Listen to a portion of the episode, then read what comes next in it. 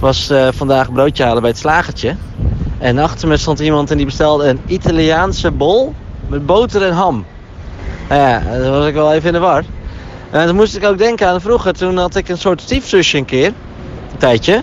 En die uh, kwam uit het buitenland. Die kwam uit Haiti of Tahiti, een van die twee. En die, was, die ging mij altijd heel erg uitlachen omdat ik dan op mijn broodje hem, boter en chocoladepasta smeerde. Maar zelf deed ze boterhamworst met hagelslag erop.